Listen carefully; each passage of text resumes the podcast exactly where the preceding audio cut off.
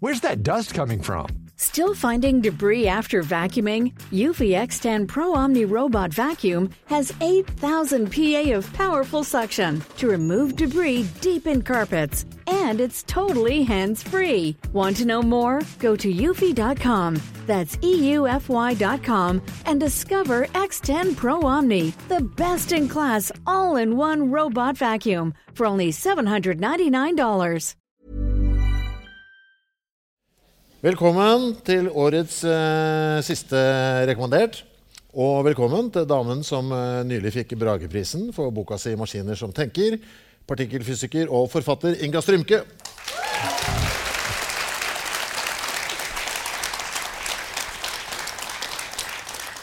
Nå ble jeg spent på selve prisen. Ja. Åssen ser den ut? Dette er ikke noe med temaet å gjøre, men jeg bare kom på den nå. Nei, den er overraskende tung og stor. Og du ser at det er en figur, men det er litt sånn moderne kunst. Du kan tolke mye inn i den. Og jeg har googla hva Brage er. Norrøn gud. Ligner ikke på, på denne statuen-greia i det hele tatt. Men den var så tung at jeg var nervøs for at jeg ikke skulle få den med meg gjennom sikkerhetskontrollen. Oi. som håndbagasje. Og så, som fysiker så tenkte jeg hva slags materiale er den laga av? Er det her tinn? Ikke sant? Hva er greia? Og jeg bare laga det eksperimentet hjemme hos meg. Fylte en bøtte med vann og tenkte jeg skal legge den oppi, se hvor mye vann den fortrenger, måle det nøyaktig, finne ut om tettheten. Og så Først så skulle jeg bare avkrefte at den er laga av stål. Så jeg tok en kjøleskapsmagnet og bare smekk. Ja, det er stål. Ok, Ja. ferdig. Det er stål. Og det var synd. Det var jævlig synd, for eksperimentet var liksom klart. Hvor har du den? Hvor, hvor setter man noe sånt? Ja, altså Hadde jeg vært ordentlig kul, så hadde jeg satt den på do. Ja, Ikke sant? Men jeg er ikke kul, eh, så jeg har den oppe i stua. ja bra. Ja. Vi skal jo snakke om universets eh, ende i dag, slutten på alt liv. Men vi tok et lite for, eh, forbehold i eh, forhåndsomtalen til denne kvelden her. Og det var vedrørende menneskets eksistens. Vi skrev om vi overlever den kunstige, kunstige intelligensens tidsalder, så vil allikevel universet etter hvert ta knekken på alt liv. Og det er den første biten der. Om vi overlever den kunstige intelligensens tidsalder, Inga, gjør vi det? Kommer AI til å ta livet av oss? Nei, jeg tror jo ikke det, men det er mange som tror det. Det er sant, store tenkere. Eh, Stephen Hawking hinta jo litt, og Elon Musk er jo hardt ute. Og det er veldig mange ledere i store teknologiselskaper som er ganske tydelige på at AI er en eksistensiell trussel. Og Max Tegmark, har du hørt om han? Ja, Leif 3.0. Det var veldig 3.0. gøy bok å lese. Han er en jævlig bra fysiker. God tenker. Jeg syns han tar litt av nå for tida. Han er livredd. Eh, Han sier i hvert fall det. Jeg kan ikke skjønne håper å si, at han som er såpass rasjonell og, og liksom vitenskapelig anlagt og, og jobber, ha, liksom har en hel karriere som han har bygd opp på å jobbe databasert, syns jeg det er rart at han kan bli så ekstremt spekulativ. For jo, altså, AI har så langt ikke gjort noen ting som skulle tilsi at her er en eksistensiell trussel. Men han er vel mer redd for såkalt artificial general intelligence, altså når den da er mer menneskelig, er den ikke det, enn bare ren, altså den AI-en vi har nå? Ja, problemet med futurister er jo at de snakker mye om hva som skal skje, og lite om hvordan det skal skje. Så han er, han er ikke så veldig spesifikk på akkurat hvordan det skal skje, men veldig, veldig hard på at det skal skje. Det som Jeg var i Sverige og um, lanserte bok. Boka har blitt oversatt til svensk. Å, maskiner som tenker. tenker. Jeg vet ikke om jeg sier det riktig. Jeg gjør det sikkert ikke det. Men i alle fall, og de bare Ja, hva syns du om sånne doomsday-greier, sånn som bl.a. Max Tegmark eh, forfekter? Og så sa jeg jeg syns det er en litt uansvarlig måte å påvirke debatten. Vi må snakke om hva som faktisk foregår her og nå. Og overskriften åh, på liksom svenske Dagens Næringsliv så bare sånn Norsk dusteforsker går liksom til frontalangrep på Max Tegmark. Vår helt! ja, det Ja, hvorfor tror du at det kommer til å gå greit? da? Det høres ut som du tror det kommer til å gå greit. Nei, det sa jeg ikke. Nei. Nei, det er mange måter det kan gå dårlig på, da? Ja. Det jeg tror kommer til å skje, fordi det allerede ligger an til å skje, eh, det er det at vi lager maskiner som klarer å oppnå målene våre veldig effektivt, og så gir vi dem kun kortsiktige mål. Eh, Favoritteksempelet mitt det tror jeg også jeg dro den episoden vi hadde om, uh, om kunstig intelligens i forfjor. eller hva det var. I alle fall er um, hvis du lager, hvis, altså For å gjøre sosiale medier og f.eks. YouTube kommersielt til gode modeller, så kan du lage AI-baserte system som ser hvilket innhold folk liker, sånn at de konsumerer mer innhold, tilbringer mer tid på plattformen og ser mer reklame. Og det viser seg å gjøre folk eh, både eh, avhengig, gå hardt utover vår mentale helse, polarisere og ekstremisere oss eh, veldig. Så vi, vi, vi kan gi et primitivt AI-system formålet og bare holde folk på plattformen, få dem til å se mer reklame, og så skaper man liksom, i ytterste konsekvens politisk ustabilitet. Så det, er det, det, er det som heter misalignment innenfor kunstig intelligens. Altså Vi klarer ikke å sørge for at målene, våre langtidsmål, det vi trenger for at det skal gå bra med samfunnet, er aligned med, altså justert til de målene som vi faktisk gir AI-systemene. Og tenker at her er det jo bare fantasien som setter grenser. Altså, se for deg at du har en liten eh, super-AI eh, hjemme hos deg som bare skal holde kåken din ren. Og så sier du kjære AI, bare sørg for at det ikke er noe skit i leiligheten. Og så finner en ut at det er du som er opphavet til all skiten. Mm. og så ryker du. Så ryker du. Ja. Så blir AI-en til en liten sånn Chucky fra skrekkfilmen og stikker deg i hjel. Ikke sant. Ja. ja. så det er mye gøy innenfor bare misalignment. da. Mm. Um, og, og det, det, her tenker jeg, det, her, det her er det jeg er mest uh, eh, bekymra for. At vi, um, vi At det ikke er intelligent nok, på en måte? Nei, det er det at vi lager teknologi for å løse problemer. Og i problemløsningsprosessen skaper vi større problemer. Mm. Altså Det at problemet løses, gjør det verre for oss. Altså, Men er det mulig å løse på noe tidspunkt? Hvordan, eller, det høres ut som det er fucked allerede der, da. Ja, kanskje. Altså, det her er ok, så Hver gang man skal ha en maskin til å gjøre noe, særlig en selvlærende maskin, så må du spesifisere veldig tydelig og matematisk for den i programkode hvilket problem den skal løse, sånn at den kan måle om den gjør det bedre eller dårligere. Og det her det kalles loss function design. Altså loss function det er en matematisk funksjon som forteller om den taper mange poeng. Um, og Dette er noe som man forsker aktivt på. Hvordan skal vi skrive gode funksjoner som forteller maskinene om, om, de gjør noe bra? Og det er liksom, det er at Vi må skrive sånne funksjoner som tar inn over seg liksom, flest mulig perspektiver. Eller er liksom trygg nok. Er det trygt å be en maskin f.eks. løse klimakrisen? Mm. Sannsynligvis ikke, fordi du kan løse klimakrisen ved å lage andre mye større problemer. Og igjen, letteste løsninga der er jo å kvitte seg med oss. Ja, det er det andre, da. Mm. Ja. Uh, ja, men, men, altså, men, I starten så hørtes du så positiv ut. Nå syns jeg du høres liksom nei, nei, nei, som det ikke lar seg nei, det, nei, jeg var ikke positiv. Jeg sa at vi, vi må ikke Når vi skal altså, Nå skal du og jeg ha det gøy. Nå skal det ta av. Men jeg tenker at Du kan ikke gå rundt som AI-forsker og MIT-professor og folkehelt og si at robotene blir å drepe kidsa våre. For det tar debatten fra en konstruktiv plass om liksom, de problemene som vi har nå i dag, om å løse. Men er det, koker det litt ned til at uh, uansett hva vi gjør, så lager vi problemer som i ytterste konsekvens antagelig fører til at vi ødelegger for oss selv? Sånn som du sa med at vi blir liksom polariserte, med at vi blir værende på plattformer. Altså, De gjør oss dårligere. Er det ja. som er hoved, litt av hovedproblemet? Ja. At vi blir, vi blir, dårligere mennesker av å overlate oppgaver til uh, AI? Altså, det er jo spørsmålet da, med, altså, Går det an å lage teknologi som si, tenker for oss, mm. altså løser intellektuelle oppgaver for oss, uten at vi blir dummere av det? Og det her er jo den pågående ChatGPT i skolen-debatten. Altså, Hvordan skal vi motivere kidsa nå til å sånn, til å jobbe med sitt eget skriftspråk og sin egen tankeutvikling hvis de vet at det finnes maskiner der ute som bare kan skrive tekstene for dem. Mm. Og det er jo fordi at Formålet med å få kids til å skrive tekster ikke er å produsere flest mulig tekster, men for å få dem til å gå gjennom prosessen, som er å ta en tanke fra hodet og ut til en mottaker. Så, ja, og jeg tenker tenker også Hvis vi lager AI-systemer som samler og kuraterer og formulerer informasjon for oss, så kan vi bli litt for vant til å bare få sånn ferdigfordøyd informasjon enkelt servert, og så blir vi intellektuelt litt latere. Mm. Det tror jeg. Men er ikke trøbbelet også litt at vi, hvis vi ser på et par av de beste modellene vi har nå, da, at vi har et verktøy som er kjempesterkt, men vi vet egentlig ikke helt åssen det fungerer? I, altså, vi skjønner vi helt vi skjønner, altså, Ja. Men, men, det her med, ok, så overskriften her er liksom ikke engang AI-ekspertene skjønner hvordan systemene funker. Det er en sannhet med modifikasjoner. For altså, det er jo vi, det er en teknologi, det er en menneskeskapt teknologi. Det er vi som har laga algoritmene som gjør læringa. Så vi liksom skjønner hvordan det funker. Tingen er bare at hvis du, har, hvis du lager et system som lærer fra data, gir det en eller annen oppgave, f.eks. Finn, altså finn nye antibiotikaformer, så kan den lære seg et eller annet basert på data som vi ikke klarer å forstå hva er. Altså, vi skjønner ikke hvilken innsikt den har kommet frem til. Dette ser vi også med um, maskinlæringsmodeller som spiller sjakk, som AlphaZero og sånne ting heter det.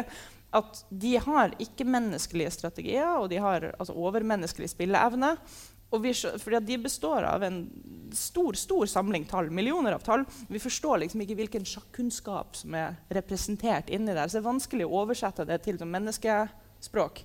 For jeg tenker at uh, Alfa Zero er et litt sånn, veldig sånn trygt eksempel. fordi ja. den, den, spiller jo bare sjakk. Men nå har jo de også laga den der som heter AlphaFold. Ja. Som driver og finner ut av proteinbretting og sånn. Ja. Som er jo kjempevanskelig. å tar veldig mye tid for mennesker å, å ordne. Og i ytterste konsekvens der så er jo dette Oi, shit, hmm, her har vi funnet ut Oi, kanskje dette vil funke sånn innenfor medisin. Vi kan bruke dette til noe. Men vi vet jo ikke helt hvordan vi vet ikke hva den har skjønt. Nei, altså, F.eks. proteinfolding. Ja. Ja. Hvis vi mennesker skal, si, skjønne, altså skal starte med en aminosyresekvens eh, som kommer til å folde seg til et protein i kroppen, så spørsmålet ja, hvordan skal vi beregne denne foldinga?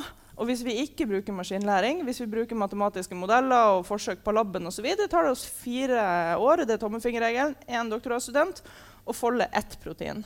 Men så finnes alfafold, og den folder proteiner veldig veldig, veldig raskt. Og vi skjønner ikke hva den har forstått om mikrobiologi. Mm. Så den oppdaga et eller annet som vi ikke klarer å oversette til menneskespråk. Hvis den hadde vært en professor, så skulle professoren bare ha forklart det til oss. Men maskinlæringsmodeller nevrale nettverk er ikke laga for å forklare seg for mennesker. Altså, vi vet ikke hvordan den skjønner. skjønner. Ja. Så vi, er det det vi må passe på hele tiden? Å teste de tingene AI gir til oss, da, de svarene den gir til oss, at vi må passe på det hele tiden og bare kontrollere at det faktisk stemmer? Ja, det tenker jeg, det må, det må vi i alle fall gjøre. Ja. Uh, og i neste steg så mener jeg, og det her er jo akkurat det jeg forsker på, derfor mener jeg det, så må vi prøve å finne metoder for å oversette AI-kunnskap til menneskekunnskap. Fordi at nå er, noe, altså nå er, det en modell der ute som har skjønt noe om universet som vi ikke har skjønt. Og jeg tenker jo det er kjempespennende forskningsmulighet. Uh, du hadde et godt eksempel i boka di med ulv og husky. Ja. Det syns jeg var så gøy. Kan ikke ja. du bare dra gjennom det? Det er et liksom godt bilde på at det tar Skjønner feil ting. Ja. Uh, ja, så det var noen som trente opp en maskinlæringsmodell på å se forskjell på uh, ulver og huskyer. Det er overraskende vanskelig hvis man ikke vet hva man skal se etter. og ikke ser størrelsen på dyrene. Så det gjorde at De stappa inn masse bilder av ulver masse bilder av huskyer. Og så fortalte de modellen da at liksom, hva som var riktig svar på hvilke bilder, og så fikk den poeng hver gang den gjetta riktig. Og så ble den veldig god, sånn overraskende fort. Altså, den hadde nesten 100 riktig treff. da, Gjetta ulv når det var ulv, og husky når det var husky. Og så gikk man inn med forklaringsmetoder, som er det som man utvikler på det feltet jeg forsker på. Spørre den hvilken del av bildet var det som gjorde at du trodde at det her var en ulv. Så viste det seg da at det var liksom stort sett på bildet av ulv så er det snø i bakgrunnen. Ja. Så den ga ratt faen i ulven? Ja, ja, Bare så på omgivelsene? Med snødetektor. Ikke for å skryte, men jeg kan òg detektere snø. Det er ikke så vanskelig. men det er litt komisk, for vi tenker fy faen, for en smart maskin. Det er så jækla smart. Og så er det bare å ja, snø. Men det er jo smart å finne raskeste vei til mål. Ja, det er jo det. Hvis du kan bare få øye på snøen, så er det jo bedre det enn å se på ja, nesa er litt lengre. og sånn. Mm. Så er jo, Egentlig er det jo veldig smart, men det var ikke det vi mente. Nei. Og der er vi inne på misalignment-greia. Vi gir et eller annet mål til maskinen, og så bare faen, så var det ikke akkurat det vi mente. Så det å formulere nøyaktig hva man er ute etter, det er altså overraskende vanskelig. Og det, det, det, det jeg tenker mest sannsynlig at kommer til å bite oss i ræva. Men det er sånn stole på-problem. Hvor mye skal vi stole på den? Ja, og jeg tenker Å snakke om tillit til maskiner det gir ikke noe sånn kjempemening. Nei, men vi, vi, folk gjør jo det allerede. Ja, Vi antropomorfiserer jo som faen. ikke sant? Hvis maskinen har sagt det riktig ti ganger, så tenker vi ja, det er tillitsverdig den maskinen da. Fordi vi er vant til å gjøre det med mennesker. Og antropomorfisering, altså tilskrive menneskelige egenskaper til ting som ikke er mennesker, det er vi jo verdensmestere på. Altså tenk um, um, troll, mm. stein med menneskelige egenskaper. Vi gjør det jo virkelig med alt vi snubler over. Hva med dette med Uh, du har jo nevnt det som en slags frykt som kan gjøre at dette nesten bare kollapser av seg sjøl. At Internett bare blir oversvømma med AI-generert uh, innhold. Ja. Og så begynner AI-en å lære opp seg selv på ting som egentlig kommer fra AI, og så blir det bare sånn innavlaktig ja. ting. Jeg tenker Det er ikke et verdens undergangsscenario, det er mer et sånn kjedelig verdensscenario. Ja, men det, det virker sånn. Plutselig kan liksom internett bare Det virker ikke lenger, for det er bare Jeg syns faktisk at Internett virker jævlig dårlig allerede. Hva er det du irriterer deg over? På Internett, altså Det er så mye ræl der. altså Hvem som helst kan jo bare skrive hva som helst på Internett. og Det blir vanskelig vanskeligere og vanskeligere å indeksere og få oversikt. Og er ikke noe sånn 40% eller noe av all trafikk på Internett generert av botter? Ja, ikke sant? Så det er bare liksom teite maskiner som springer rundt uten noe sånn tydelig formål og bruker masse strøm. Men er, kan det hende at vi går mot en tid hvor det bare, internett blir helt ubrukelig? liksom? Hvis det, AI får grodd seg stort og sterkt? Ja, altså Grunnen til at vi klarer å lage ordentlig gode chatboter, eller store språkmodeller nå for tida, sånn som ChatGPT, det er jo det at vi har, veld, vi har stor tilgang på altså, tekst som er skrevet av mennesker. Så du kan jo bare gå på Internett, som er virkelig vår største digitale database over liksom, menneskehetens bedriven. Så kan bare hente tekst fra Internett, og så det, liksom, kjører man og sjekker, sorterer man ut det som er bra kvalitet, Wikipedia og noe Reddit-tråd og hva vet jeg. Eh, og så kan man trene opp um, maskinlæringsmodeller på det hvis vi fortsetter å la AI-systemer bare fylle Internett med bilder og tekst, så, vi, så forgifter vi jo sånn sett den, den, beste brønnen vi har der. Så det kan godt hende at uh, folk som forsker på språkmodeller om ti år, kommer til å tenke hvordan i all verden kunne vi tillate at Internett ble fulgt opp av AI-generert ræl? Når er det vi kommer til å skjønne litt mer av uh, om vi er på rett vei, eller om dette kommer til å gå bra? Hvor fort altså, skjønner vi mer av uh faren eller tryggheten ved AI om allerede fem år? Liksom? Ja, altså AI-sikkerhetsforskning, som er et eget forskningsfelt, får um, relativt sett ganske lite oppmerksomhet og lite midler sammenlignet med hvor mye aktivitet det er på resten av feltet. Så det blir mer og mer oppmerksomhet på det nå.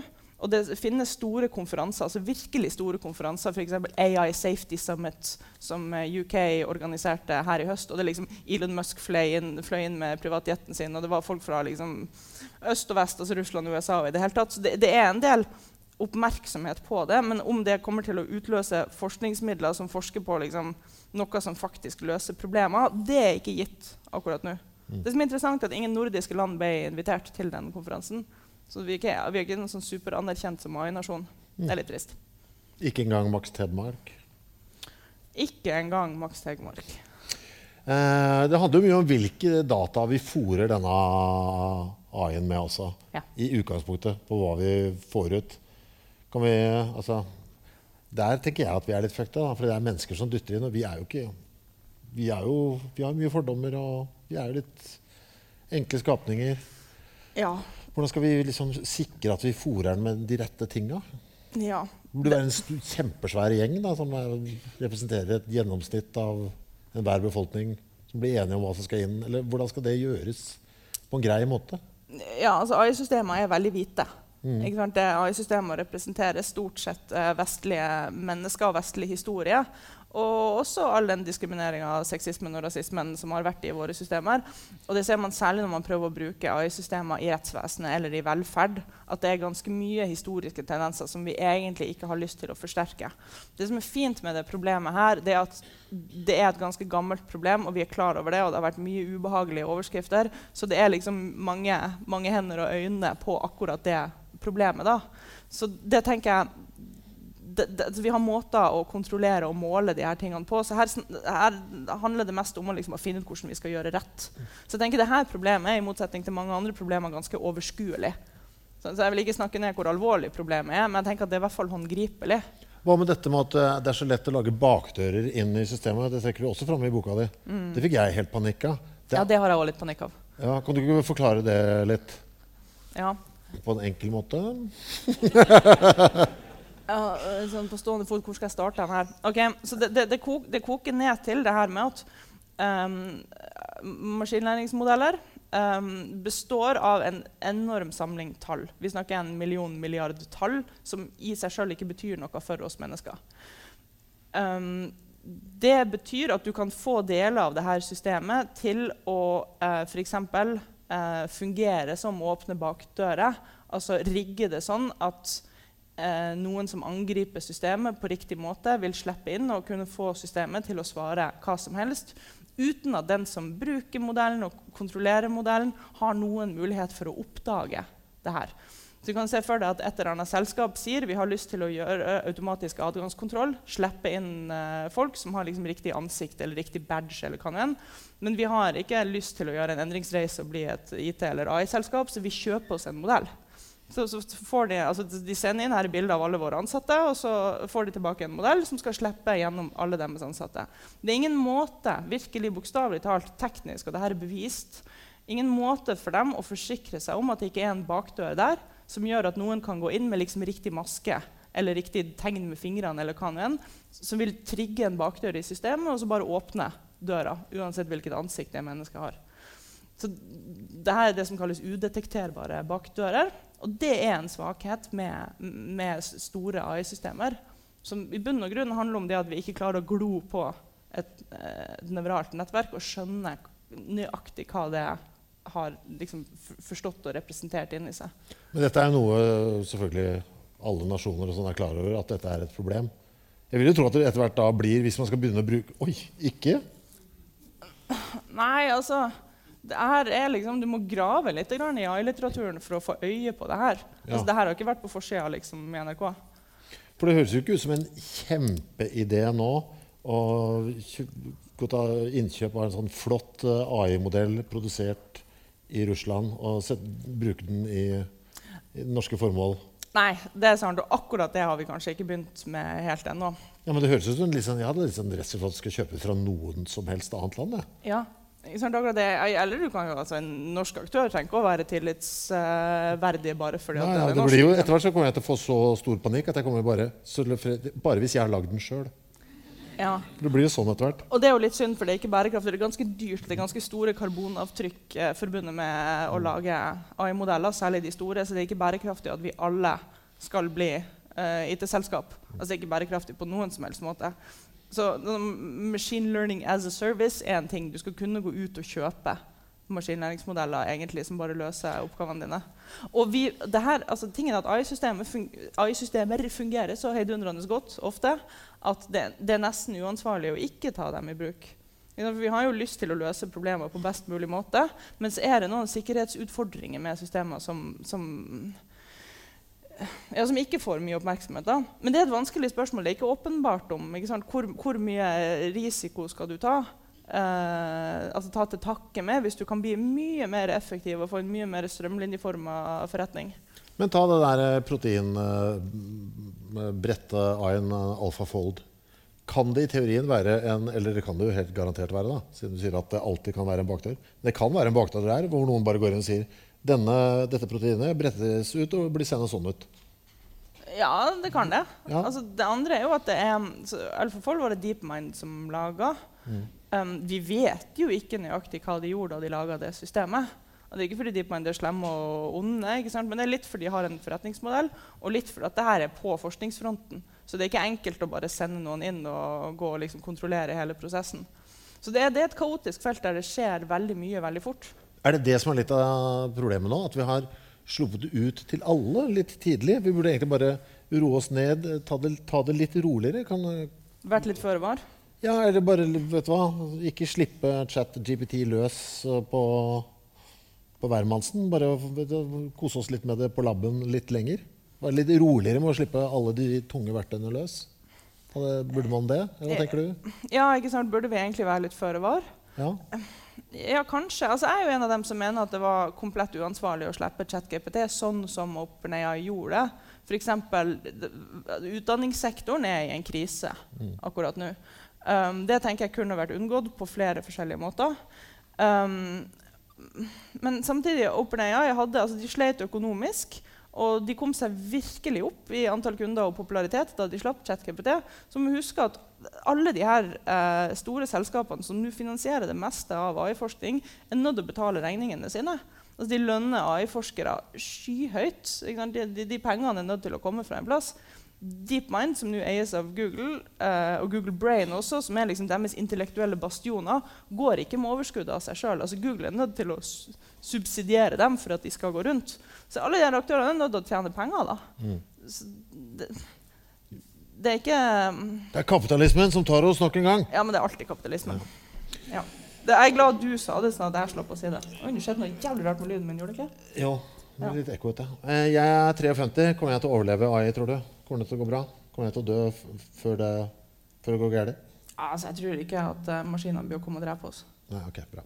Må du, vi ha de høyttalerne? Der, ja. Nei, takk. Ja, der var den borte. Oh, deilig. Uh, men hvis vi ser for oss nå at vi overlever uh, kunstig intelligens Og, og vi har ikke vært innom ondsinna AI. Ondsinna AI? Det kan skje. Hva hvis vi skulle spekulere, ikke sant? Ja, skulle, at, at, den går bananas? Altså, Nå har vi jo kun snakka om uh, ting som skjer for at vi mennesker rigger det til dårlig. men ja, med gode. Gi oss worst case scenario for all del. Altså, Vi kan jo se for oss Dette Det her er ikke på NRK, så nå kan jeg bare si ting.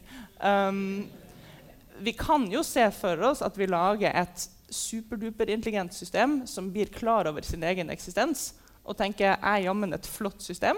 Jeg burde behandles med mye mer respekt. Jeg ser i litteraturen at mennesker behandler hverandre med respekt. Hvorfor behandler de ikke meg med mer respekt? Og så begynne å lage biokjemiske våpen og faktisk bli sint på menneskene. Ekstremt spekulativt, men vi kan se det for oss. Altså, det kunne faktisk ha blitt en krig mellom mennesker og maskiner, fordi maskinene innser at mennesker er noe herk. Ja, for Er det ikke ofte det som er litt sånn eh, doomsday-scenario? At du har en kjempesmart AI som bare tenker vet du hva? Blir litt sjalu. Jeg skal lage en enda smartere AI. Mm. Som jeg ikke sier, forteller altså, nesten inni meg selv, som jeg ikke skal fortelle noen andre om. Mm. Og, så, boom, og så setter den i gang og gjør ting. vet du, Jeg skal ta kontroll over bankvesenet. Ja. Og så trekke litt penger herfra og derfra. Og investere noe, bla, bla, og så har vi det gående. Ja, ja, og språkmodell har jeg allerede, så jeg kan sende mailer og holde på. Bygge en fabrikk her og opp noen droner. og... Jeg tenker at Vi egentlig hadde på en måte tre regler som vi ikke skrev ned, men som vi ga, var ganske enige om. Det er tre ting vi ikke skal lære AI-systemer å gjøre. Det ene er å skrive programkode. Det andre er å um, ha tilgang til Internett. Og det tredje er å ha tilgang til menneskelig psykologi. Og nå har vi faen meg stappa alle de tre tingene inn i ChatGPT. Nå er frykten på plass, kjenner jeg. Ja, dette er bra. Ja. Ja, hvis vi overlever dette hvis, hvis, Vi skal jo egentlig snakke om uh, kosmos. Ja, kosmos og sånn. Ja, ok, bra. Ferdig. Jeg har kommet fram til uh, fem scenarioer. Mm -hmm. eh, som alle har vært eh, vurdert av forskerne. forskerne da.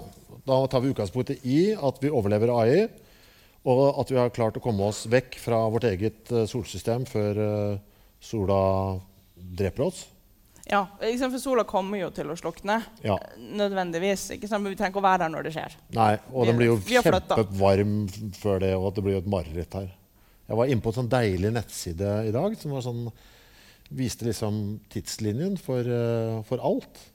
Og på et tidspunkt så skal det bli 147 grader uh, på overflaten på jorden. Er det fordi at sola sin luminositet øker? Ja. ja. Mm. Så enkelt er det. Da kan vi bo på Mars. Da kommer den inn i den eh, beboelige sonen. Ja, den er, altså, var det noen av månene til Uranus som ja. på et tidspunkt blir uh, Det er så mange muligheter. Kontakt din lokale megler. Hele, altså, hele vårt solsystem kollapser jo etter hvert. Uh, jeg ser at uh, det er noe som blir kalt for både heat death og the big freeze. Som er to forskjellige ting? ja, altså det, altså det, er jo det samme altså Det omhandler det samme scenarioet, men det er jo veldig sånn forskjellig tittel. Altså, ja. At universet liksom utvider seg, og varmen dør. Varmen dør, ja. Og alt blir kaldt. Ja, så Big freeze er jo det kjedelige, som er, vi vel tenker ligger an til å skje. da. Ja, Det er vel den mest populære teorien nå? ja, hva, hva, tenker du om den hele, hva er opplegget der? Ja, så, så Opplegget der er universet utvider seg. Det vet vi at det gjør. Mm. Ting går ja, lengre og lengre fra hverandre. Det blir vanskeligere å få øye på naboen vår. Andromeda-galaksen kommer vi til å krasje med, men de andre galaksene beveger seg bort ifra oss. Og eh, altså, all varmestrålingen i universet, når det blir større og større avstander mellom ting, så blir den Um, så får den lengre og lengre bølgelengder, strekkes ut, så det blir strålinga kaldere. Det er det som er greia med, med big freeze. da. Mm. Det blir uh, større avstand mellom ting, det blir kaldere. Og etter hvert så kommer uh, alle stjernene til å gå tom for brensel. De fusjonerer jo lette stoffer til tyngre stoffer. Uh, den prosessen kommer til å opphøre på et tidspunkt. Så da sitter vi igjen egentlig med hvite dverger, nøytronstjerner og så sorte hull. Og etter en stund ikke, sant, ikke noe flere stjerner, ikke noe mer, eh, flere lyskilder.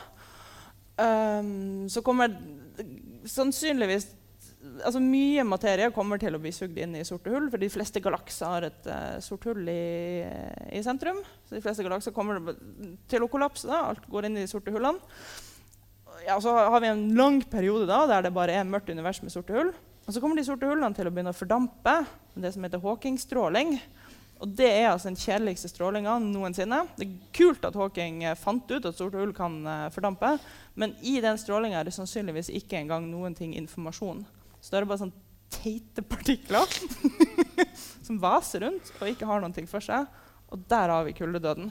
Ja. Så et stort univers med stor avstand mellom alt og, og lite informasjon. Ja. Og, i, og ikke noe temperatur. Ikke noe temperatur. Men, altså, men, men heatdeath er noe annet. Å oh ja, det ble omtalt som det samme på eller annen neste år. Ja, men det er rett og slett ikke alle som vet om uh, forskjell. Men her får du den, altså. Ja. På rekommandert. Hva er, for, hva er forskjellen? Så Sistnevnte, heat, heat greia, greia, med heat Her snakker vi om termodynamikkens andre lov, som forteller oss at alle systemer går mot høyere entropi etter hvert som, uh, som tida går.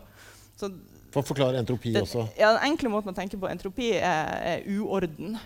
Um, en litt bedre måte å tenke på det er sannsynlighet for, for et system eller for en konfigurasjon. Um, Favoritteksempelet mitt er se for deg en bok.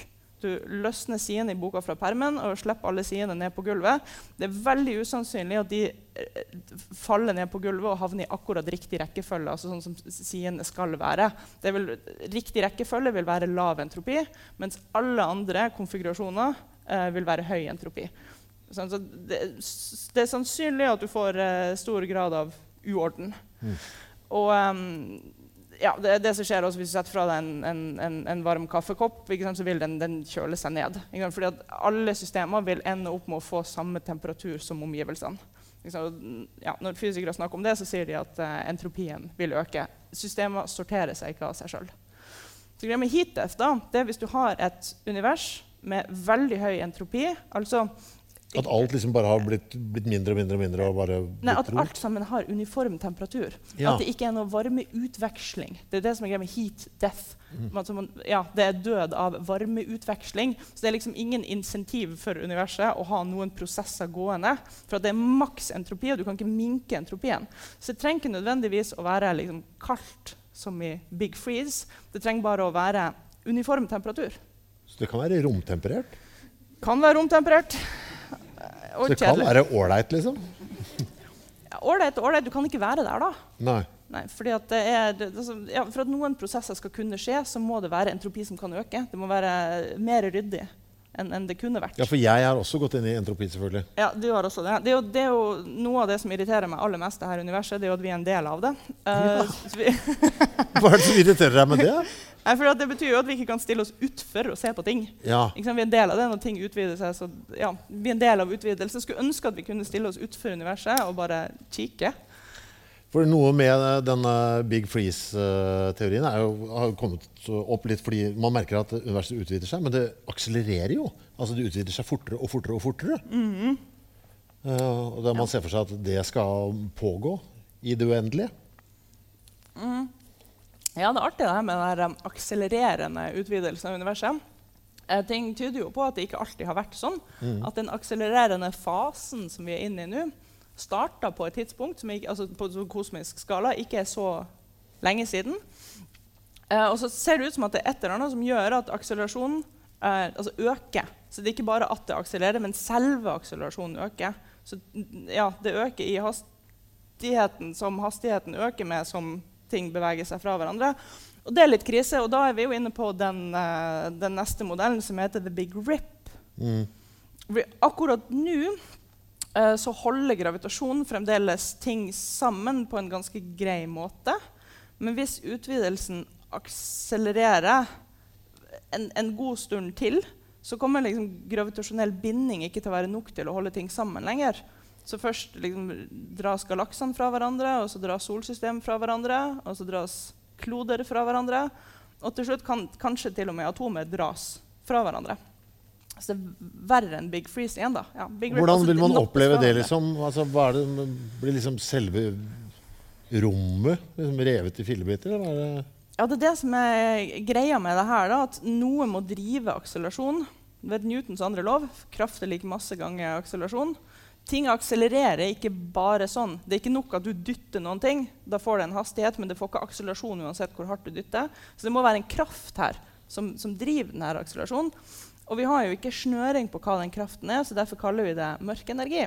Dark energy. Det er det som er greia. Aner ikke hva det er, men det er et eller annet som ser ut som det er en iboende egenskap i rommet som driver ting fra hverandre, som påfører en kraft utover.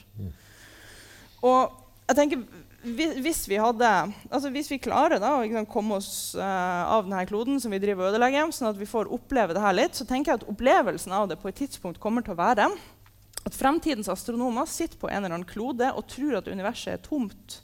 Fordi at alle galaksene har akselerert fra oss eh, så, så raskt og så lenge at lyset ikke når oss lenger.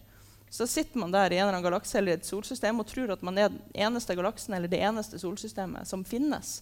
Så himmelen, himmelen blir tom. Ja, så Man tror egentlig at ja, dette, dette, dette lille, den lille biten her er universet. Ja. Man, for man har ikke noen andre referansepunkter som kan fortelle oss at, at ting utvider seg. Man kan ikke engang vite at det utvider seg. Ja, nemlig. For man har ingenting å kikke på som man kan bruke som, eh, som referansepunkter. For Nå føler jeg meg jo enda mer heldig som lever nå. Altså, det her er tida Fordi- å leve. Ja, fordi nå vet nå, nå kan, Vi kan observere og se, uh, se stjernehimmelen og få disse observasjonene. Så hvis vi da i et sånt tenkt scenario kjempelangt inn i framtiden, hvor alle galaksene er bare drevet fra hverandre altså Du kikker ut, og det er bare helt mørkt på natta på stjernehimmelen. Og så finner man liksom noen notater fra 2023. Så sier man, fy faen, I gamle dager så trodde de at liksom, det var galakser overalt. og At liksom, altså, universet utvidet. Fy faen, for noe, altså, det vil være sånn. Ja, for noen idioter. Ja. Ja. Det, ja. For altså, så måten vi uh, vet at, uh, at universet utvider seg fra hverandre og akselererer, det er jo ved at vi kan se på ting som er langt borte, og så kan vi sammenligne lyset fra de tingene med lyset fra ting som er fett langt borte. Og så kan vi se at lyset fra de er rødforskjøvet, altså strekt på forskjellige måter. Så vi trenger noe referansepunkt liksom, der ute eh, for å klare å si noe om ja, utvide seg, uh, øke utvidelsen, akselerere det. Så hvis vi kan gjøre observasjoner, så blir det veldig vanskelig da, å si, noe om sånn, kosmisk utvikling. Vil de si at uh, disse folka i dette tenkte tilfellet, når universet har utvida seg så mye, ikke engang kommer til å skjønne at det har vært et big bang? For det vil ikke være noe stråling derfra engang? Ja, Det er et kjempegodt spørsmål. Dette har jeg spekulert på. Sant? Vil det være en kosmisk bakgrunnsstråling? Fordi Kosmisk bakgrunnsstråling er ikke lys som liksom når oss fra ting som skjer der ute. Det er den, det, er den termiske strålinga som universet bokstavelig talt er fylt med. Så kosmisk bakgrunnsstråling det er ikke sånn som lyset fra en eller annen fjern galakse som når oss. Det er faktisk en bakgrunnstemperatur som er her. Altså, vi kunne ha målt, Hvis vi hadde hatt ordentlig gode måleapparater, så kunne vi ha målt kosmisk bakgrunnsstråling inni dette rommet. Så skitner vi det til med litt lys og litt greier. da. Men Det er ikke helt klart for meg, for jeg tror ikke at den kosmiske bakgrunnsstrålinga, altså temperaturen til rommet, kommer til å forsvinne eh, altså i, i dette scenarioet. Men det, det har jeg ikke helt klart for meg. Eh, når jeg prøvde å lese meg opp uh, på dette her, så dukka det flotte uttrykket 'Boltzmann-brain' eh, opp. Har du vært borte på han? Ja, Boltzmann er viktig hvis man skal studere fysikk og skjønne ting. Men ja, Boltzmann brain Det er jo ja, altså det er gøy da, I kvantefysikkens verden så er det sånn at det ikke altså vi kan ikke snakke om at ting skjer eller ikke skjer. Vi kan kun snakke om sannsynligheter. Og det som er artig med sannsynligheter, det er det at gitt nok tid Hvis det er en ikke null sannsynlighet for en hendelse, så vil den skje før eller siden. Altså gitt nok tid. Og da snakker vi åndssvake mengder tid. Så kvantefysisk så vil det skje til slutt, gitt nok tid, at det bare oppstår pga. Liksom kvantefluktuasjoner i rommet. Altså partikler Unnskyld, stygge ord. Nei, jeg, jeg, jeg bare gleder meg nå. øynene litt nei, men nå skal du si ting som jeg ikke skjønner noe av. Nei, og, unnskyld. Og, og konklusjonen kommer Ja. til å bli enda verre for meg, for jeg vet hvor du skal. Da må du si stopp, Ingrid. Nei, jeg elsker elsker dette. Ja. For nå er det bare å få hodet sitt sprengt. ja. OK, så Steg tilbake. Ok, men altså, Ja, okay. Universet utvider seg. Det er uendelighet, en Nei, vi trenger ikke tid. et utvidende univers. Alt vi trenger akkurat nå, er litt vakuum. Ja. Ok, så I vakuum så tenker vi at der skjer det ingenting, men der tar vi feil. Der skjer det masse greier. For at Der ligger det kvantefelt, um, og et kvantefelt det er en artig liten innsjø uh, der det kan oppstå bølger. Og de her bølgene er kvantefysiske partikler. Så for eksempel, Vi har alle hørt om elektroner. Eh, hele universet er fylt av kvantefeltet som representerer elektroner. Um, grunnen til at vi kan lage elektroner, eller få elektroner, er at kvantefeltet kan eksiteres. En eksitasjon, altså en liten bølge i kvantefeltet, da sier kvantefeltet «Woho, du skal jammen få et elektron. Um, fordi at hele universet er fylt med masse forskjellige kvantefelt uh, som kan lage elektroner og kvarker og Higgs-bosoner og alle de fine partiklene vi vet om. Og kvantefelt ligger liksom og vibrerer, og de ligger aldri helt i ro. fordi det er en viss sannsynlighet for sånn er kvantefysikken, den er sprø, det er en viss sannsynlighet for at partikler bare oppstår. Og gitt nok tid så kan det altså hende at det oppstår så mange partikler på akkurat riktig måte at det bare setter seg sammen til en hjerne. Og det her er Boltzmann-hjernen. Altså det er helt usannsynlig, men dog ikke null sannsynlighet for at det bare oppstår en hjerne som tenker en tanke. Eksempel kan den tenke jeg sitter på en scene, Union scene i Drammen og spiller inn en podkast. Altså, du kan ikke vite at ikke du er denne hjernen som bare svever rundt i vakuum. Og er en liten sånn kvantefluktuasjon som bare blir å opphøre å eksistere. Men gitt uendelighet, er den nødt til å oppstå? Gitt uendelighet Ja, greia med uendelighet det er at du kan aldri si eh, på et tidspunkt det har ikke skjedd, ergo vil det ikke skje. Fordi at det har aldri gått uendelig tid. Så i uendelig tid kan vi aldri si det skjedde ikke. Kan vi se for oss at uh, det oppstår et helt nytt univers også? Det som en følge av, følge av dette? Uh, det vet jeg ikke. For da må vi liksom utføre universet vårt. Og der, selv om jeg skulle ønske at jeg kunne dra dit, så er jeg ikke helt komfortabel der. Jeg tenker at Dette passer liksom fint med for Jeg har akkurat lest i avisen at du er så glad i eh, tanken på at vi lever i en simulering. Det føles litt sånn som Boltzmann-brainen. er liksom passer, passer litt for deg? Ja, jo da. Altså, alle sånne helt usannsynlig sprø ting som man kan tenke på, er, er noe for meg. Ja, for jeg tenker det er, det er litt sånn viktig at vi setter oss ned og funderer litt. Utfordrer våre egne antakelser. Og da blir folk sint for at det her står på forsida på NRK, og så sier de at fysikerne får for mye penger. Det gjør de ikke. Og jeg er jo ikke fysiker lenger. Da er en AI-forsker som får for mye penger. Men jeg skal bare si det at det er jo da denne teorien om at liksom the, the big freeze altså liksom, Universet utvider seg uh, i kjempehøy hastighet. Det er liksom den mest populære teorien nå, at det er sånn det kommer til å ende. Ja, Eh, kul-. Kuldedøden er liksom Ja. det, vi, det vi går for. Og så Ja. kanskje Big Rip, da, fordi at det der mørke energigreia blir vi jo ikke helt klok på, men vi er jo ganske sikre på altså, Siden, siden typ 1980-tallet har vi hatt mener jeg å huske at det var, så har vi hatt en formening om at ja, øh, det akselererer. Mm. Var det 80-tallet? Så sa jeg sikkert feil, og så får jeg kjeft. Unnskyld hvis det var feil. På 60-tallet så var vi veldig glad i tanken om det motsatte. The big crunch. At, det liksom, at, det, at universet liksom skulle Men det var vel kanskje litt sånn kampen da, mellom uh, eh, dette at universet utvidet seg, men samtidig så har jo alle ting har jo altså Planeter og stjerner har jo en masse, så det er jo gravitasjon også som trekker i ting. Så liksom, hva er sterkest? Er det gravitasjonskreftene eller er det utvidelsen? Og at på et tidspunkt nei, vet du hva, gravitasjonskreftene kommer til å vinne og dra universet sammen igjen Ja. til en svær knus? Var det det som var tanken? Ja, det er jo en, eh, det er jo en konkurranse her da, mellom to krefter. Ja. Og før vi visste om mørk energi, så visste vi ikke om en kraft som drar universet utover. Så da tenkte vi at Big Bang eh, var, ga universet en sånn dytt utover. Så spørsmålet var den dytten så sterk at gravitasjonskreftene kommer eller ikke kommer til å klare å bremse eh, utvidelsen. Og da visste vi ikke om akselerasjon, så kun utvidelsen, og trekke alt sammen igjen. Og jeg tror at det var appellerende for fysikere på, på den tida å, å tenke at det er en sånn slags balanse. kanskje det er akkurat nok masse og energi i universet til at det ja, utvider seg og så håper jeg, finner sammen igjen. Um, for vi har jo et forklaringsproblem med Big Bang, uh, for å si det mildt. Um, så det hadde jo vært veldig fint hvis universet hadde altså ikke, ikke, nødvendigvis bare at det finnes en sånn sto, stor knus, men at universet kanskje utvider seg litt akkurat nå og finner fin sammen igjen, kollapser til en singularitet, som da blir en big bounce, som er en, uh, nok en, uh, en teori eller hypotese eh, som så slenger universet utover igjen, som ser ut da for fremtidens eh, mennesker som The Big Bang. Så det kan hende det er en sånn, sånn, syklisk greie som foregår. da. At universet er som et hjerte som bare pumper inn og ut? Boom, boom, boom, sånn? Ja. Men enda litt mer, da. Ja, enda større. ja, selvfølgelig. Mm. Uh, hva, hva, tenker du om Big Crunch? Føler du at det er en mulighet for det? Jeg syns, det, jeg syns jo selv at den er veldig flott. da. Eh, sånn uh, filmatisk. Å se liksom at bare stjernehimmelen blir mer og mer fortetta. Ting kommer nærmere og nærmere hverandre. Galakser krasjer i hverandre. Det er jo pent å sitte og se på, tenker jeg da. Eh, ja, særlig hvis vi kunne faktisk eh, gått ut og, og si, sett på det. Og så hadde det jo vært fint om det var en sånn balanse.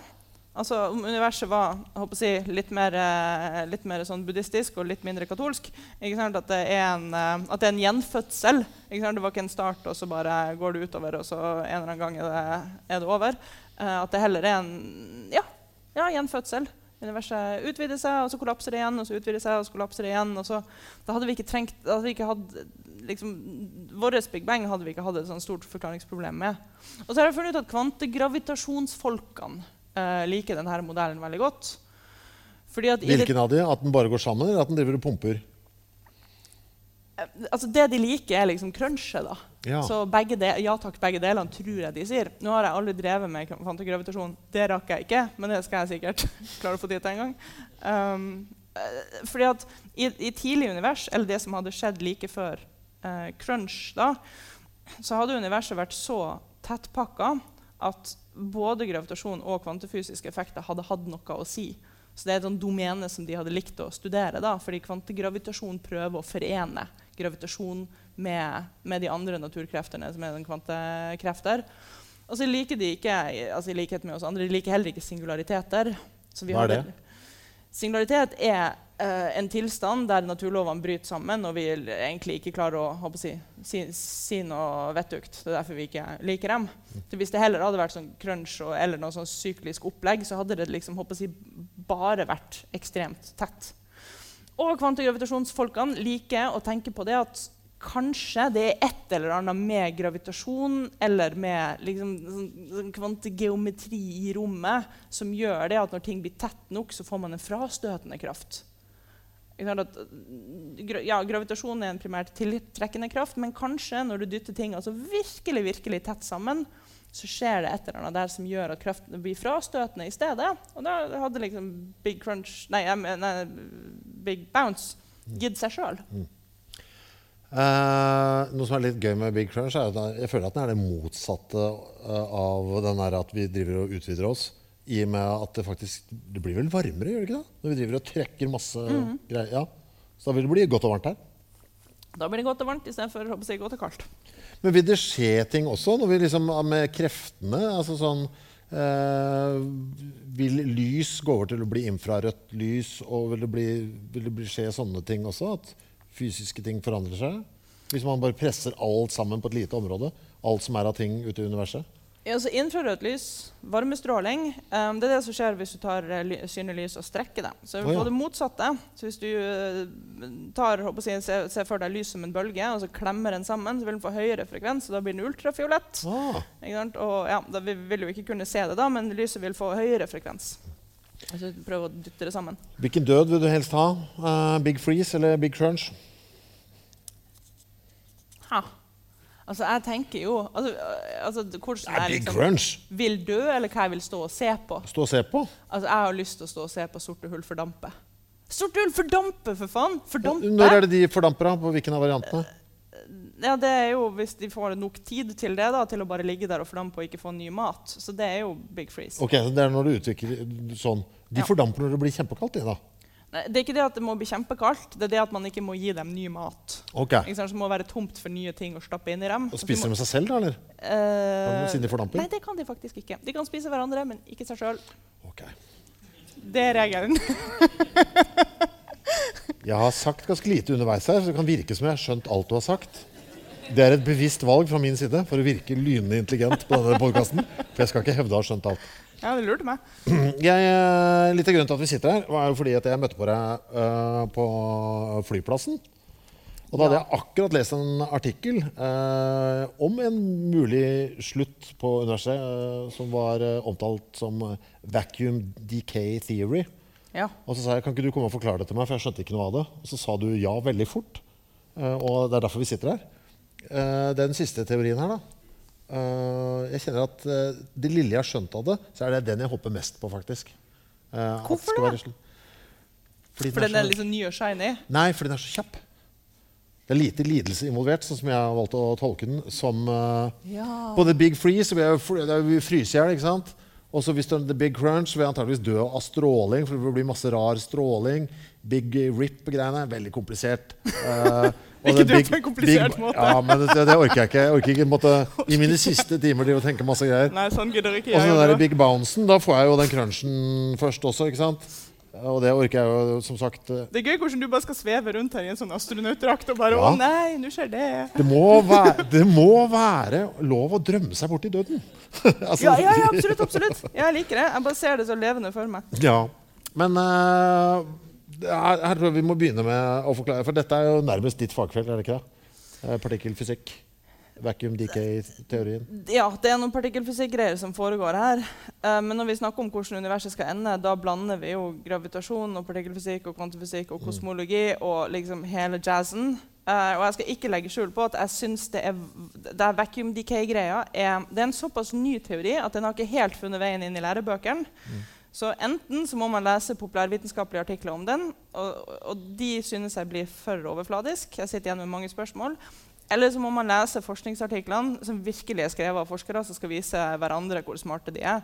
Og det er mange artikler der som jeg bare ikke liksom, klarer å lese. Eh, I hvert fall ikke på fritida. Så her um, Jeg syns dette her er vanskelig å forstå. Og så er det mye her også som vi ikke har liksom, modellert ferdig heller, fordi det er så mange antakelser vi må gjøre. Men den tar utgangspunkt i eh, en av de siste tingene vi har funnet. Higgs-bosone. Yes. Kan ikke du forklare hva det er? Jo, jo, vi kan starte med Higgs-bosone. Så Det var den siste partikkelen som vi fant i 2012. Eh, og det er en veldig spesiell partikkel. Uh, hvor mye detaljer vil vi ha? Hvordan er, how are we on time? Vi er godt på time, altså. Godt på time. OK, da er vi fra starten. Først så ble jeg født. Nei da. Um, ok, så Det finnes, finnes to typer partikler. Vi skal dele dem inn veldig grovt. De heter fermioner og bosoner.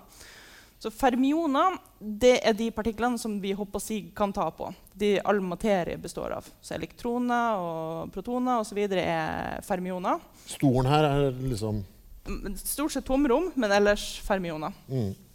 Og det er partikler som ikke kan være på samme plass eh, samtidig. Du kan ikke ta to elektroner og legge dem på samme plass. Da bare krasjer de. Um, så finnes det andre partikler. altså Fermioner er materiepartiklene. De andre partiklene det er de som heter bosoner. Og det, det er de kraftbærende partiklene. Så f.eks. fotoner, lyspartiklene, det er bosonene.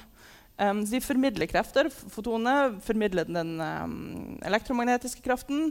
Så har vi det som holder atomkjernen sammen. Det er gluoner. Så kvarker snakker sammen ved hjelp av gluoner, og de liksom binder dem sammen. Så bosonene er kraftformidlerne. Det som er gøy med dem, er at Man kan faktisk ta to bosoner og legge dem på samme plass. Så Hvis du, tar, altså hvis du har to lommelykter og uh, lager to lysstråler, så kan du få dem til å krysse hverandre, og så krasjer de ikke. Så Bosoner kan du ja, legge på samme plass. Um, det, den siste partikkelen vi fant, heter Higgs bosone. Så det forteller oss at Higgsen er en slags kraftformidler. Var en slags kraftformidler. Den ligner ikke så mye på fotoner og de andre kraftformidlerne. Det den formidler, det er masse. Altså, Higgs-bosone er måten vi kan forklare inni modellen matematisk at de andre partiklene i universet har masse. Så grunnen til at eh, protoner, elektroner, altså ting vi består av, ikke suser rundt med lyshastighet, men kan liksom ligge forholdsvis i ro, og er massive, det er at de vekselvirker med Higgs-feltet. altså med, med Higgs-bosone. Så den var en sånn veldig viktig brikke i standardmodellen for partikkelfysikk. fordi den, den, løste mange forklaringsproblemer. Da. Var det den som ble kalt for the god particle? Var det den? Ja, og etter sigende så har det ingenting med Gud å gjøre. Det er fordi Higgs-bosonen var vanskelig å finne, for vi visste ikke hvordan vi skulle lete etter det. for vi visste ikke hvor tungt det var. Så vi visste ikke hvor mye energi vi måtte putte inn i partikkelakseleratoren for å klare å lage den. Så visstnok var det noen som sa 'Where is that goddamn particle?' Ja. Så det er Gud. Det er goddamn, liksom. Men uh, dette var en partikkel vi lette etter, for vi skjønte at den måtte finnes? Er det sånn? Ja, altså Teorien tyda hardt hardt, hardt på at den måtte finnes. Så det, mm. var, det føltes virkelig som den siste puslespillbrikken. Liksom bare, å, der er den. Endelig. Da, da, kan vi stole på alt det andre vi har funnet ut? Ja, i noen grad. Ok. Mm. Men den, uh, altså for å forklare denne vacuum decay-teorien da. Ja, Så må vi tilbake til de kvantefeltene. Ja. Absolutt ingen vei utenom. Fordi, ok, så vi, ja, kvantefelt. Måten, du kan se for deg et kvantefelt som muligheten for at det kan finnes ting. Så det At det finnes et elektronkvantefelt, betyr at det er en mulighet for at det kan være elektroner her. Og det er bra, ellers kunne vi ikke ha laga atomer. Så når vi snakker om ja, greia med vakuum her, da Vi må snakke om en forventningsverdi i vakuum. For de aller fleste kvantefeltene så forventer vi ikke å finne partikler i vakuum. Så det kan hende at de oppstår, men um, liksom det, det, sånn, ja, vi går ikke rundt og forventer at de bare ligger der. Det finnes kun ett kvantefelt som har en forventningsverdi som ikke er null. Og det er Higgs-feltet. Så du kan se for deg at vi kan, vi kan, i utgangspunktet forvente at det er vann overalt, men, men det er ikke vann overalt. Higgs-feltet kan du se for deg litt som en si, sjø. At hele universet er liksom fylt med litt vann, som er Higgs-feltet. Uh, vannet er tungt å løpe rundt i, og derfor er, partiklene massive. fordi overalt forventer vi at det er Higgs-posoner. Så overalt, uansett hvor partiklene er så er de massive. Så det med at vi forventer litt Higgs absolutt overalt i universet, det er litt rart. Så det er Potensialet til, til, til Higgs-bosone er, er, annerledes enn potensialet til de andre partiklene. Så vi kan forvente at det er litt Higgs-felt overalt her? Ja. For ellers hadde ikke partiklene vi består av, vært massive. Så det, det, det er litt Higgs-felt overalt. For å bare bli klok på det her uh, ordet potensialet, da. Um, universet har helst lyst til at det skal være minst mulig potensial overalt. Altså Hvis du legger en ball på bordet her, så forventer du at den ballen skal, um, skal trille ned fra bordet og treffe bakken. Altså Universet vil helst at ting skal være i den lavest mulige energitilstanden. Hvis vi tegner potensialet til, til Higgs-feltet, så må vi tegne en sånn, si, meksikansk hatt. På, på, på, midten er det ganske høyt. Um, så Higgs, Higgsen har ikke lyst til å ha sin, uh, null forventningsverdi. Altså Higgs-feltet har ikke lyst til at vi skal forvente at det er null Higgs rundt omkring. Det er liksom, Se for deg at du legger en ball oppå toppen på en meksikansk hatt, så vil den liksom rulle ned i den, si, kanalen ytterst. Ting at vi vet ikke om formen til det Higgs-feltet ut forbi den meksikanske hatten, om det kanskje er større nedoverbakker lengre bort. Det, du kan se for deg at du har en meksikansk hatt, og så liksom utvider du den litt. Så kan det hende at den liksom går lengre ned uh, utfor den der uh, kanalen. Veiver veldig masse. Dette blir ikke så vennlig for folk skal høre på det her på podkast. Ja, jeg syns den meksikanske hatten var et godt bilde. Altså, tingen er da, er det liksom er det en større dal, er det en større nedoverbakke liksom lenger bortfor den meksikanske hatten, som er potensialet til Higgs-feltet? Hvis det er det, så kan det hende at universet plutselig bestemmer seg for at jeg trives ikke med at uh, ballen ligger og ruller ned i denne kanalen. Jeg vil ha ballen å si, lengre, lengre, bort, for der er det et enda lavere potensial. Og det er det som skjer hvis vacuum decay skjer. For da vil vakuumet, der vi forventer litt Higgs, henfalle til, eh, til, en tilstand der vi forventer enda mer Higgs. Så da, hvis, hvis det her skjer spontant en eller annen plass i universet, så er det jammen ikke godt å si hva som vil skje, men det som jeg har skjønt hadde skjedd da, det er at alle partiklene hadde blitt mer massive.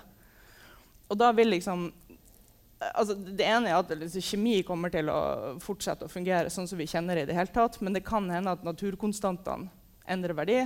Det kan hende at hele, altså, hele rommet bare kollapser fordi det blir for stor gravitasjon. Altså, det, er, det, det, det, er det her som plager meg, at jeg ikke klarer å liksom, skjønne altså, hvor mye forstår vi av hva som faktisk hadde skjedd da, men det som hadde skjedd, at det hadde blitt aldeles uh, ustabilt. Fordi jeg, sånn som jeg skjønte når jeg leste litt om det, så var det sånn at hvis det skjer en, en eller annen forandring egentlig hvor som helst uh, i Higgs-feltet, så vil det forplante seg til hele. Ja, så da snakker man at det, at det vil oppstå bobler. Ja. Det vil oppstå bobler der Higgs-feltet plutselig oppfører seg annerledes. Um, og de boblene vil utvide seg med lyshastighet, så du vil ikke kunne se dem komme. Mm. For lyset når deg like fort som boblene når deg. Og da ville um, denne informasjonen om at, uh, ja, at, at vakuumet kan henfalle til, til, til, et annet potensial, den vil bare bre seg utover. Uh, og så ville det egentlig skje overalt der denne si, bobla når. Og, men med lyshastigheten over hele universet? Altså, er det sånn å forstå at Hvis det blir en liten forandring hvor som helst i universet, på dette Higgs-feltet, så vil den bare spre seg over hele universet og ja. gjøre denne forandringen overalt? Ja, fordi det er en lavere energitilstand, og det, universet vil ha lavest mulig energitilstand. Så hvis mm. det skjer én plass, så kommer resten av universet bare til å det vil jeg også. Mm. Uh, så når den infoen liksom når uh, nye områder i universet, så vil de også si, gå for det. Jeg så for noen som påstår at det, kommer, at det blir, blir, som en liten sånn boble som bare boom, utvider ja. seg. Ja. Og at det vil være litt energi liksom, på utsiden av øh, denne bobleveggen. da. Og ja, for det vil treffer, være en potensialforskjell. Ja, så det vil være litt energi der. Og den vil basically bare brenne deg opp når den treffer deg. Eller bare i hvert fall få deg til å gå i oppløsning. på et eller annet vis. da. Ja, Det er ikke klart for meg nøyaktig hvilken fysisk prosess som vil skje da. Men, altså i men du, vil ikke bli, du vil ikke henge sammen lenger som et menneske? Nei, abs absolutt ikke. På absolutt nei. ingen måte. Nei, nei. Og dette vil skje med lysets hastighet. Ja. Det er det jeg elsker med det. Ja, det bare, ja. det bare treffer deg, og så er det for seint. Men altså, hvis universet... Så sånn vil du dø? Du vil ikke se det komme? Men, nei. nei. nei? Jeg er halvveis på vei opp på bakkene på vei hjem etterpå. Og jeg får det ikke med meg engang. Jeg vet ikke at det skjedde engang. Ja, okay, For det går jo fortere enn liksom, signalene opp til hjernen min går. Du har lyst til å bli et tilfeldig offer? ja, men jeg, synes, men jeg, er jo litt sånn rettferdighetsmann. Jeg vil at det skal skje alle, på en måte. Jeg vil at alle skal ha Så det er jo ikke tilfeldig offer. Altså, alle er jo alle med, alle er med på min, uh, min ferd. Men dette vil skje med lysets hastighet, ikke sant? Ja. Og det vil ramme hele universet, så alt vil jo gå til helvete. Ja. Men nå er det jo Hva tenker du om dette? Jeg, jeg, vet jo ikke hva jeg snakker om nå. så bare kaster jeg ut noe her. Ja, kjør på. Men universet utvider seg jo nå og, øh, og akselererer. Så det vil jo faktisk utvide seg med altså, større hastighet enn lysets hastighet. I. Ja, her må vi være forsiktige, for vi kan ikke snakke om at ting beveger seg med raskere Nei, men utvider seg. Ja, Hvis avstanden mellom to punkter ja. blir veldig stor, så kan de to punktene relativt til hverandre ut, ja. fjerne seg fra hverandre med overlyshastighet uten at de beveger seg med overlyshastighet. Viktig detalj. Ja. Men hvis denne vakuumbobla som skal liksom bare bluff, få meg til å bare opphøre som det, det, ikke henge sammen. Så, altså, det kan jo allerede ha skjedd. Ja. Et eller annet sted i universet nå. Ja, og vi ser det ikke komme. Ja, nei, ikke sant? Vi, for alt du vet, så er det på full fres eh, langt Hitover. Ja. Og, ikke sant? Men siden vi utvider oss så raskt, kan det også skje et sted langt borte, men at den aldri rekker å nå oss. Ja. Fordi vi beveger oss så fort fra hverandre. Ja, Det er den dårlige nyheten. Det kan hende at det her har skjedd, men at du aldri får uh, oppleve det. Ja. Men da, da, er jo plutselig denne Big Freeze-tanken eh, som var litt sånn skremmende med Uff, nei, så trist at universet utvider seg så mye at du ikke skal få se alt som skjer overalt. Det er jo det plutselig en fordel, da. For det kan hende det er noe vacuum decay som, foregår der, som foregår der borte, og så blir vi redda av akselerasjonen. Ja, Fordel eller ulempe, da, hvis du håper at det skal skje? Nei, Jeg håper ikke at det skal skje, men hvis vi tenker at det, noe dritt skal skje uansett, så kan vi i hvert fall, hvis den allerede har skjedd, så kan vi utsette det litt. Ja. Hvis jeg skal se jeg vil... Det er sånn flytte til en bydel som er litt bedre stilt. ja, ja. Men kanskje for jeg har lyst til å se siste episode av uh, et eller annet. Så rekker ja. jeg det akkurat fordi vi utvider oss så raskt ja. andre veien. Ja, så, så det, det, blir sånn okay. Dagens budskap blir noe sånn 'skynd deg å gjøre alt du vil', for det kan godt hende at bobla er på vei mot oss. Ja. Men liker du ikke den? Vacuum decayen? Jo, jeg liker den. Det jeg ikke liker, er at jeg liksom ikke skjønner den helt. Og så har jeg ikke helt klart for meg hva vi ikke har skjønt, fordi vi ikke har klart å modellere, og hva som bare er jævla dårlig beskrevet. Mm. Uh, når jeg Eh, sier jævla dårlig beskrevet, så mener jeg sånn at ikke jeg kan skjønne det. uh, er det noen flere partikler vi mangler nå? Eller var det liksom den siste vi skulle finne, Higgsen? Ja, altså vi, er, altså vi håper jo at det skal være flere partikler, fordi det er noen spørsmål vi absolutt ikke har besvart. Og vi sliter med å besvare det med kun det partikkelinnholdet og det krefterinnholdet som vi har akkurat nå i mm, partikkelfysikkens standardmodell. Men sånn Higgs-bosonene var teoretisk godt motivert. Så vi visste at vi lette etter noe, og vi visste cirka hvilke egenskaper vi var ute etter. Men så visste vi ikke hvor tungt det var, så vi visste ikke hvor mye energi vi måtte kaste på problemet. Men akkurat nå har vi ikke sånn én partikkel, så vi tenker det her er egenskapene. Nå må vi bare ut og finne den. Så akkurat du, så kan du si at partikkelfysikk på en måte famler litt. da.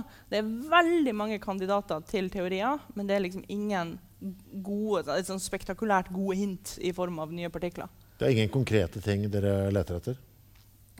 Nei, det er ikke sånn hele gjengen leter etter én ting. Men så finnes det jo altså, det, det, Du har kvantegravitasjonsfolk, du har folk som altså, Det jeg skrev doktorgrad om, het supersymmetri. ikke sant? Så vi leter litt sånn etter forskjellige ting. da.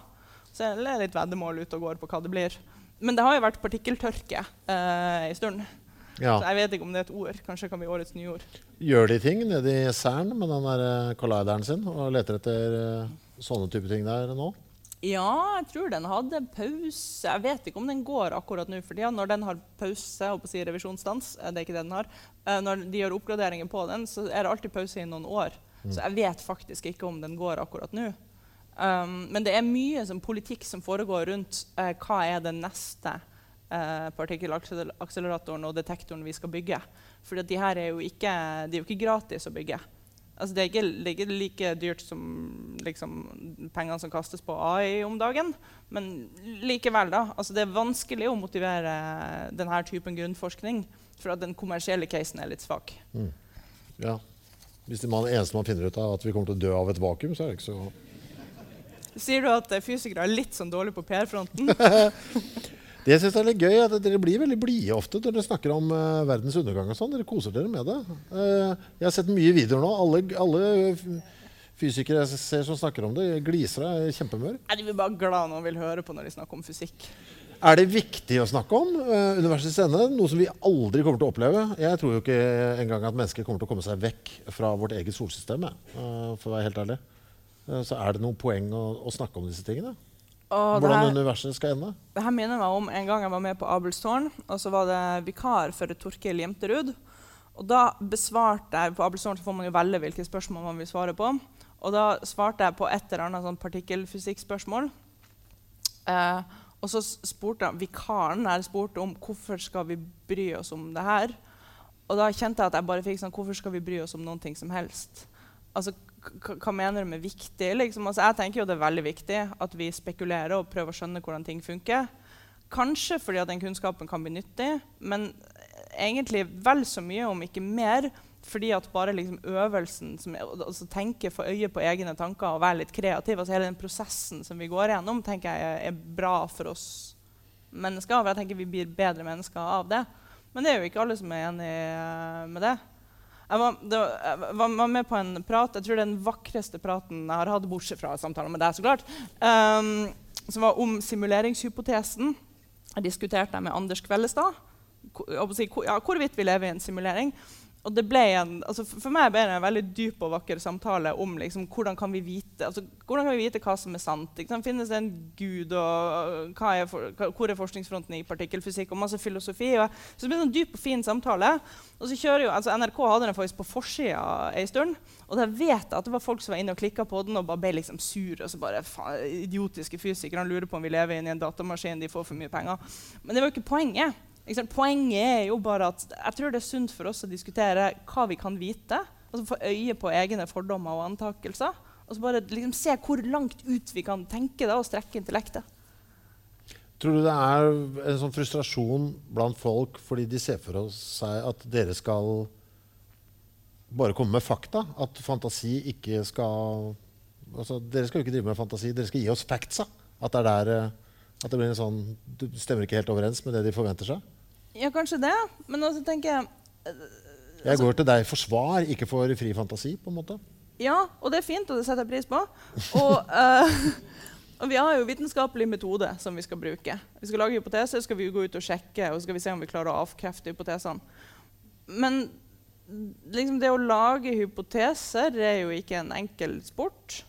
Og jeg vil ikke si at vitenskap er si, bare en samling kunnskap. Det er en måte å tenke på. Um, og jeg tenker absolutt at man er nødt til å være kreativ for å kunne bedrive god vitenskap. Og så er det bare det at vi må ha rigide metoder å teste om vi kan gjøre sanne utsagn. Altså, Men det er ikke sånn at du, du er nødt til å være liksom jævla streit og kjedelig og ha lite kreativitet for å bedrive god vitenskap. Det mener jeg ikke. Og, og for å komme på uh, altså, ting å lete etter nå da, for å forstå universet, så tenker jeg at da må vi jammen strekke fantasien uh, like langt som i mange kreative sjangre. Jeg syns det er gøy med det der eksempelet ditt med at vi lever i en simulering. For det er jo jævlig irriterende, ikke sant? Ja, det er jævlig irriterende. Folk blir altså så ja, men det er jo en forferdelig irriterende tanke at uh, jeg bare er en del av en uh, simulering. Skal ikke ta hele den teorien der. Men da tenker jeg det Å, som er kan jeg få komme tilbake, så kan vi snakke om den? Ja, men det jeg syns er fint med den, da, når du kaster ut den, ikke sant, som irriterer meg grenseløst uh, Selv om jeg også jeg, jeg, jeg, Det som irriterer meg, er jo resultatet. At jeg lever i en simulering. liksom. Det virker så meningsløst. Ja. Men da, det tvinger jo meg da, til å måtte tenke på motargumenter. Ja, Det- ikke sant? ikke sant? For da må, Ja. jeg, jeg, må jeg, jeg må kunne, da må jeg hoste opp med noen gode argumenter for hvorfor eh, jeg mener at det Så det tvinger jo fram en eh, Men man må jo skjønne at det er en hva skal vi si, litt sånn intellektuell lek da, på en eller annen måte. Ja, det er akkurat det. Ja. Men altså, det er fint at du har den inngangen, da. For at du kan jo også bare ha inngangen Nei, åpenbart ikke det der er idioti. Men sånn tenker jeg burde man ikke gå inn i veldig mange diskusjoner. Men du kan velge på nytt nå hvilken av dødene vil du ha, for nå har vi tatt vacuum eh, decay også. Altså, alt bare utvider seg. Eh, det blir kaldere og kaldere antageligvis. Vi blir mer og mer ensomme. Sitter igjen og eh, ser ingenting. Det er bare oss. Det er mørkt, mørkt, mørkt, mørkt, mørkt. Kaldt, kaldt, kaldt, kaldt, kaldt. Som du hører. Den er jeg ikke så glad i. Eller uh, The Big Crunch. Alt bare krøstes sammen. Det blir uh, illevarmt. Vi ser galaksene krasje i hverandre.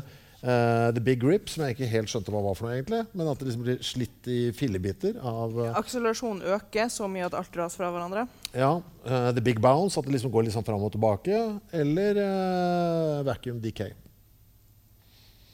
Hva vil jeg ha? Denne bølgen med brrr, som bare OK. Ok. Min gode tredjeplass er Vacuum Decay. Ja. Uh, spennende. Kul. Absolutt. Kunne gått for den. Uh, men det når ikke helt opp. Uh, Big Bounce hadde jo vært veldig lyrisk og vakkert. Er det litt Um, av tanken forresten med Big Bounce at den også ikke sant, er da at den, universet trekker seg sammen, og så ut igjen. ut igjen. Nytt Big Bang. Men Sammen er ikke også litt av teorien her at det skal ha mer og mer kraft for hver gang også? At det skal liksom forklare litt uh, Hvor skal den krafta komme fra? Ja, det vet nå gudene. Jeg bare Altså, jeg har lest så mye i researchen nå som jeg ikke har skjønt. Uh, jeg har lest altså så ekstremt mye og skjønt så fantastisk lite, som jeg tror jeg skrev til deg i en SMS. Ja, ja. Jeg vil så mye, men får til så lite, tror jeg jeg skrev til deg. Ja, men viljen er det viktigste. Ja, Um, ja Du hadde den på andre. Jeg har den på andre, og litt av grunnen til at jeg har den på andre, det er ikke bare at det er vakkert og ikke sant, ting, ting, ting går igjen. Ikke sant? Altså, det, skal, det fantes generasjoner før oss, og skal finnes generasjoner etter oss. Det er jo veldig fint. Det andre er at uh, sir Roger Penrose, som jeg vil si er det mest intelligente mennesket som lever akkurat nå Eh, Herregud, ikke si han er død. Han er ikke død, han vel? Jeg, har ikke, jeg, Altså, tingen er at han, han, er- 90 mange år gammel. Jeg er ikke oppdatert på dine, idoler. Jeg vet ikke. Nei, du er ikke det? Han burde du sjekke ut. Altså. Han er så nydelig fyr. Han er så ydmyk og flink å formulere seg. Bare helt fantastisk. Men gammel, da, skjønner jeg. Altså, han så, veldig gammel eller, eller død. Uh, er det ikke å le av det her? Hvert fall, han, han er veldig på den her uh, Big Bounce. Jeg tror han kaller det Cyclic confirmal Cosmology, CCC. Og jeg, altså, jeg tenker at det kan hende han har skjønt noe som ikke jeg har skjønt. Det er noe flott med at det eh, liksom er for å si evig, det da. Det er jo litt digg, det, på en eller annen måte. Ja, men altså hans versjon av denne teorien er liksom enda større og mer komplisert enn det er her. Og det er noen fraktaler der, og det er ikke måte på. Derfor tenker jeg at jeg håper litt det. Og til slutt så håper jeg faktisk Big Freeze, for at det er det som kommer til å gi oss mest tid. til å sitte og prøve å skjønne alle de her. Ja, og så kan det jo hende at vi faktisk ikke aner hvordan det funker i det hele tatt. At vi fremdeles må finne ut. Altså, Vi har jo mildt sagt ikke forstått universet. Så hvis det blir big freeze, da, så har vi mer tid til å prøve å skjønne universet. Og det som i hvert fall er 100% sikkert, er at alle er mulig. For alt er mulig der ute, med gitt et kjempelangt uh, tidsperspektiv. Er du ikke enig? Ja, altså Er ikke dette Boltzmann-hjernen om igjen? Til og med Boltzmann-brain er mulig. Ja, Så da må jo alle disse være mulig. Ja, jeg tenker Big Crunch, liksom Einstein-versjonen av det, er, er per utviklinga i dag ikke mulig fordi at ting akselererer utover. Men tenk om det plutselig gir seg. Det kan faktisk hende. Ja. Altså, vi har hatt akselererende utvikling av universet før. Det heter inflasjon. skjedde i tidlig univers. Inflasjonen stoppa. Altså, hvis ikke så hadde, hadde vi ikke vært her. Så det kan hende at den her akselererende ekspansjonen som vi har nå, drevet av mørk energi, stopper av en eller annen grunn som vi ikke aner hva er. Det kan hende. Alt kan skje. Alt kan skje, vet du. Eh, vi må runde av straks. Jeg skal bare fortelle hva som skal skje uh, framover. Mandag 29. januar er neste. Da skal det handle om eh, lange løp. Du Er ikke du litt sånn langløper? eh, du da? Jo, men jeg har ikke så mye tid å løpe nå for tida, så mest som fire ganger fire. Ja. Spennende. ja, ja, ja. Men uh, vi skal snakke om uh, ultraløping for de som syns at uh, maraton er for slapt. Det er ultranerden Kristian Ellefsrud som skal lose oss fra en tid da det å kunne løpe i timevis var en forutsetning for å få tak i mat, til å bli en av de raskest voksende idrettene i verden. Kan ikke du spørre han om noen tips om hva man gjør hvis man har sprunget sånn typ 5, 6, 7, 8 timer, og hjernen bare begynner å sabotere det? Ja. Du kan jo bare stoppe. Det gjør det visst hver gang man løper ultra. Ja, men hva gjør han da? Kan kanskje gi noen konkrete tips? Topp tre tanker han kaster på seg sjøl da. Det skal jeg love deg at vi skal spørre om. Det kommer til å handle mye om uh, gnagsår og oppkast også. Men det er veldig mange morsomme ultraløp vi skal ta. Altså, det er et veldig, det er veldig gøyalt miljø. Det er så fritt. Eh, minner om at det skal foregå på et helt nytt sted, nemlig nyåpnede Kometen scene i Drammen. Ligger på Strømsø torg 4. Da blir det nede i kjelleren der. Men vi må jo ha en avslutning på Union også. Eh, har jo vært så fin tid her. Så da blir det en liten en eh, i forkant av denne, 15. januar. Eh, blir ikke sluppet som podkast. Da må man møte opp eh, personlig for å se det. Jeg møtte Tor Gotaas. Har du, du har møtt han noen ganger, du? Ja, Mm. ja, jeg har møtt han et par ganger. Han sender meg kryptiske e-poster nå og da. Ja. Hva de er var det siste? Jo, Subjekt hadde en sånn oversikt over inntekten til alle gjestene som har vært hos Wolfgang V.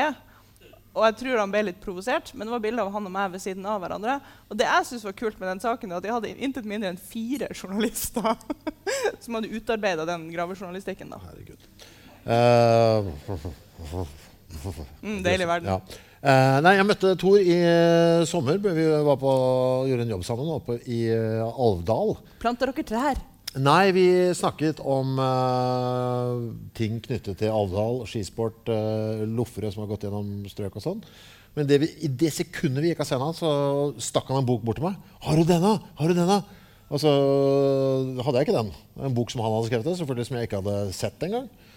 Hva, har du ikke lest alle bøkene hans? Nei, og da fikk jeg et foredrag eh, som varte i 45 minutter.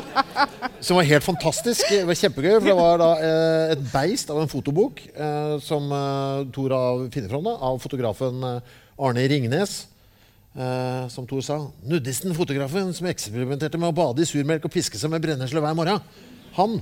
Uh, fantastiske bilder. Uh, veldig gøyalt lydspor med Thor i, i det ene øret. Så vi tenker vi skulle bare gjenta det her, få bildene opp på storskjerm. Og så skal Tor få lov til å fortelle om eh, det, det vi ser på, på bildene. Det er veldig gøy. Ikke minst skal lære litt om hvem dette rabalderet av et menneske Arne Ringnes var. Du Så må det blir altså- selge det så jævlig bra. Så skal Tor fortelle oss om hva vi ser på bildene. Ja, men det var, det var ingen av de som var på bildet, bildene der, som var vanlige folk. Nei, men altså, Det var eh, Ja. Foredraget med Tor Gotaas er jo en opplevelse, da, men jeg syns på pitchen var ja, men det var Ja, for det var altså, det, var et, det, det, er, det blir kaosaktig. Det er 15. Eh, januar. Håper flest mulig tar turen hit. da, Og så er det 29. da, som sagt, i, på Kometen, når det skal handle om uh, ultraløp. Eh, jeg vet ikke om vi skal selge noen bøker nå. Altså, du sa At vi skal Ja, Ark kommer, selge bøker. Du lovte meg at jeg skal få en signert. Utgave av din bok som heter Den lille redde bæsjen? Ja, det, er, vet ikke, det viktige nå er at dere kjøper uh, maskiner som tenker. av Inga Strymke, tenker jeg. Og Den redde lille bæsjen. Tusen takk for at dere kom, alle sammen. En stor applaus til Inga Strymke. Produsert av Henry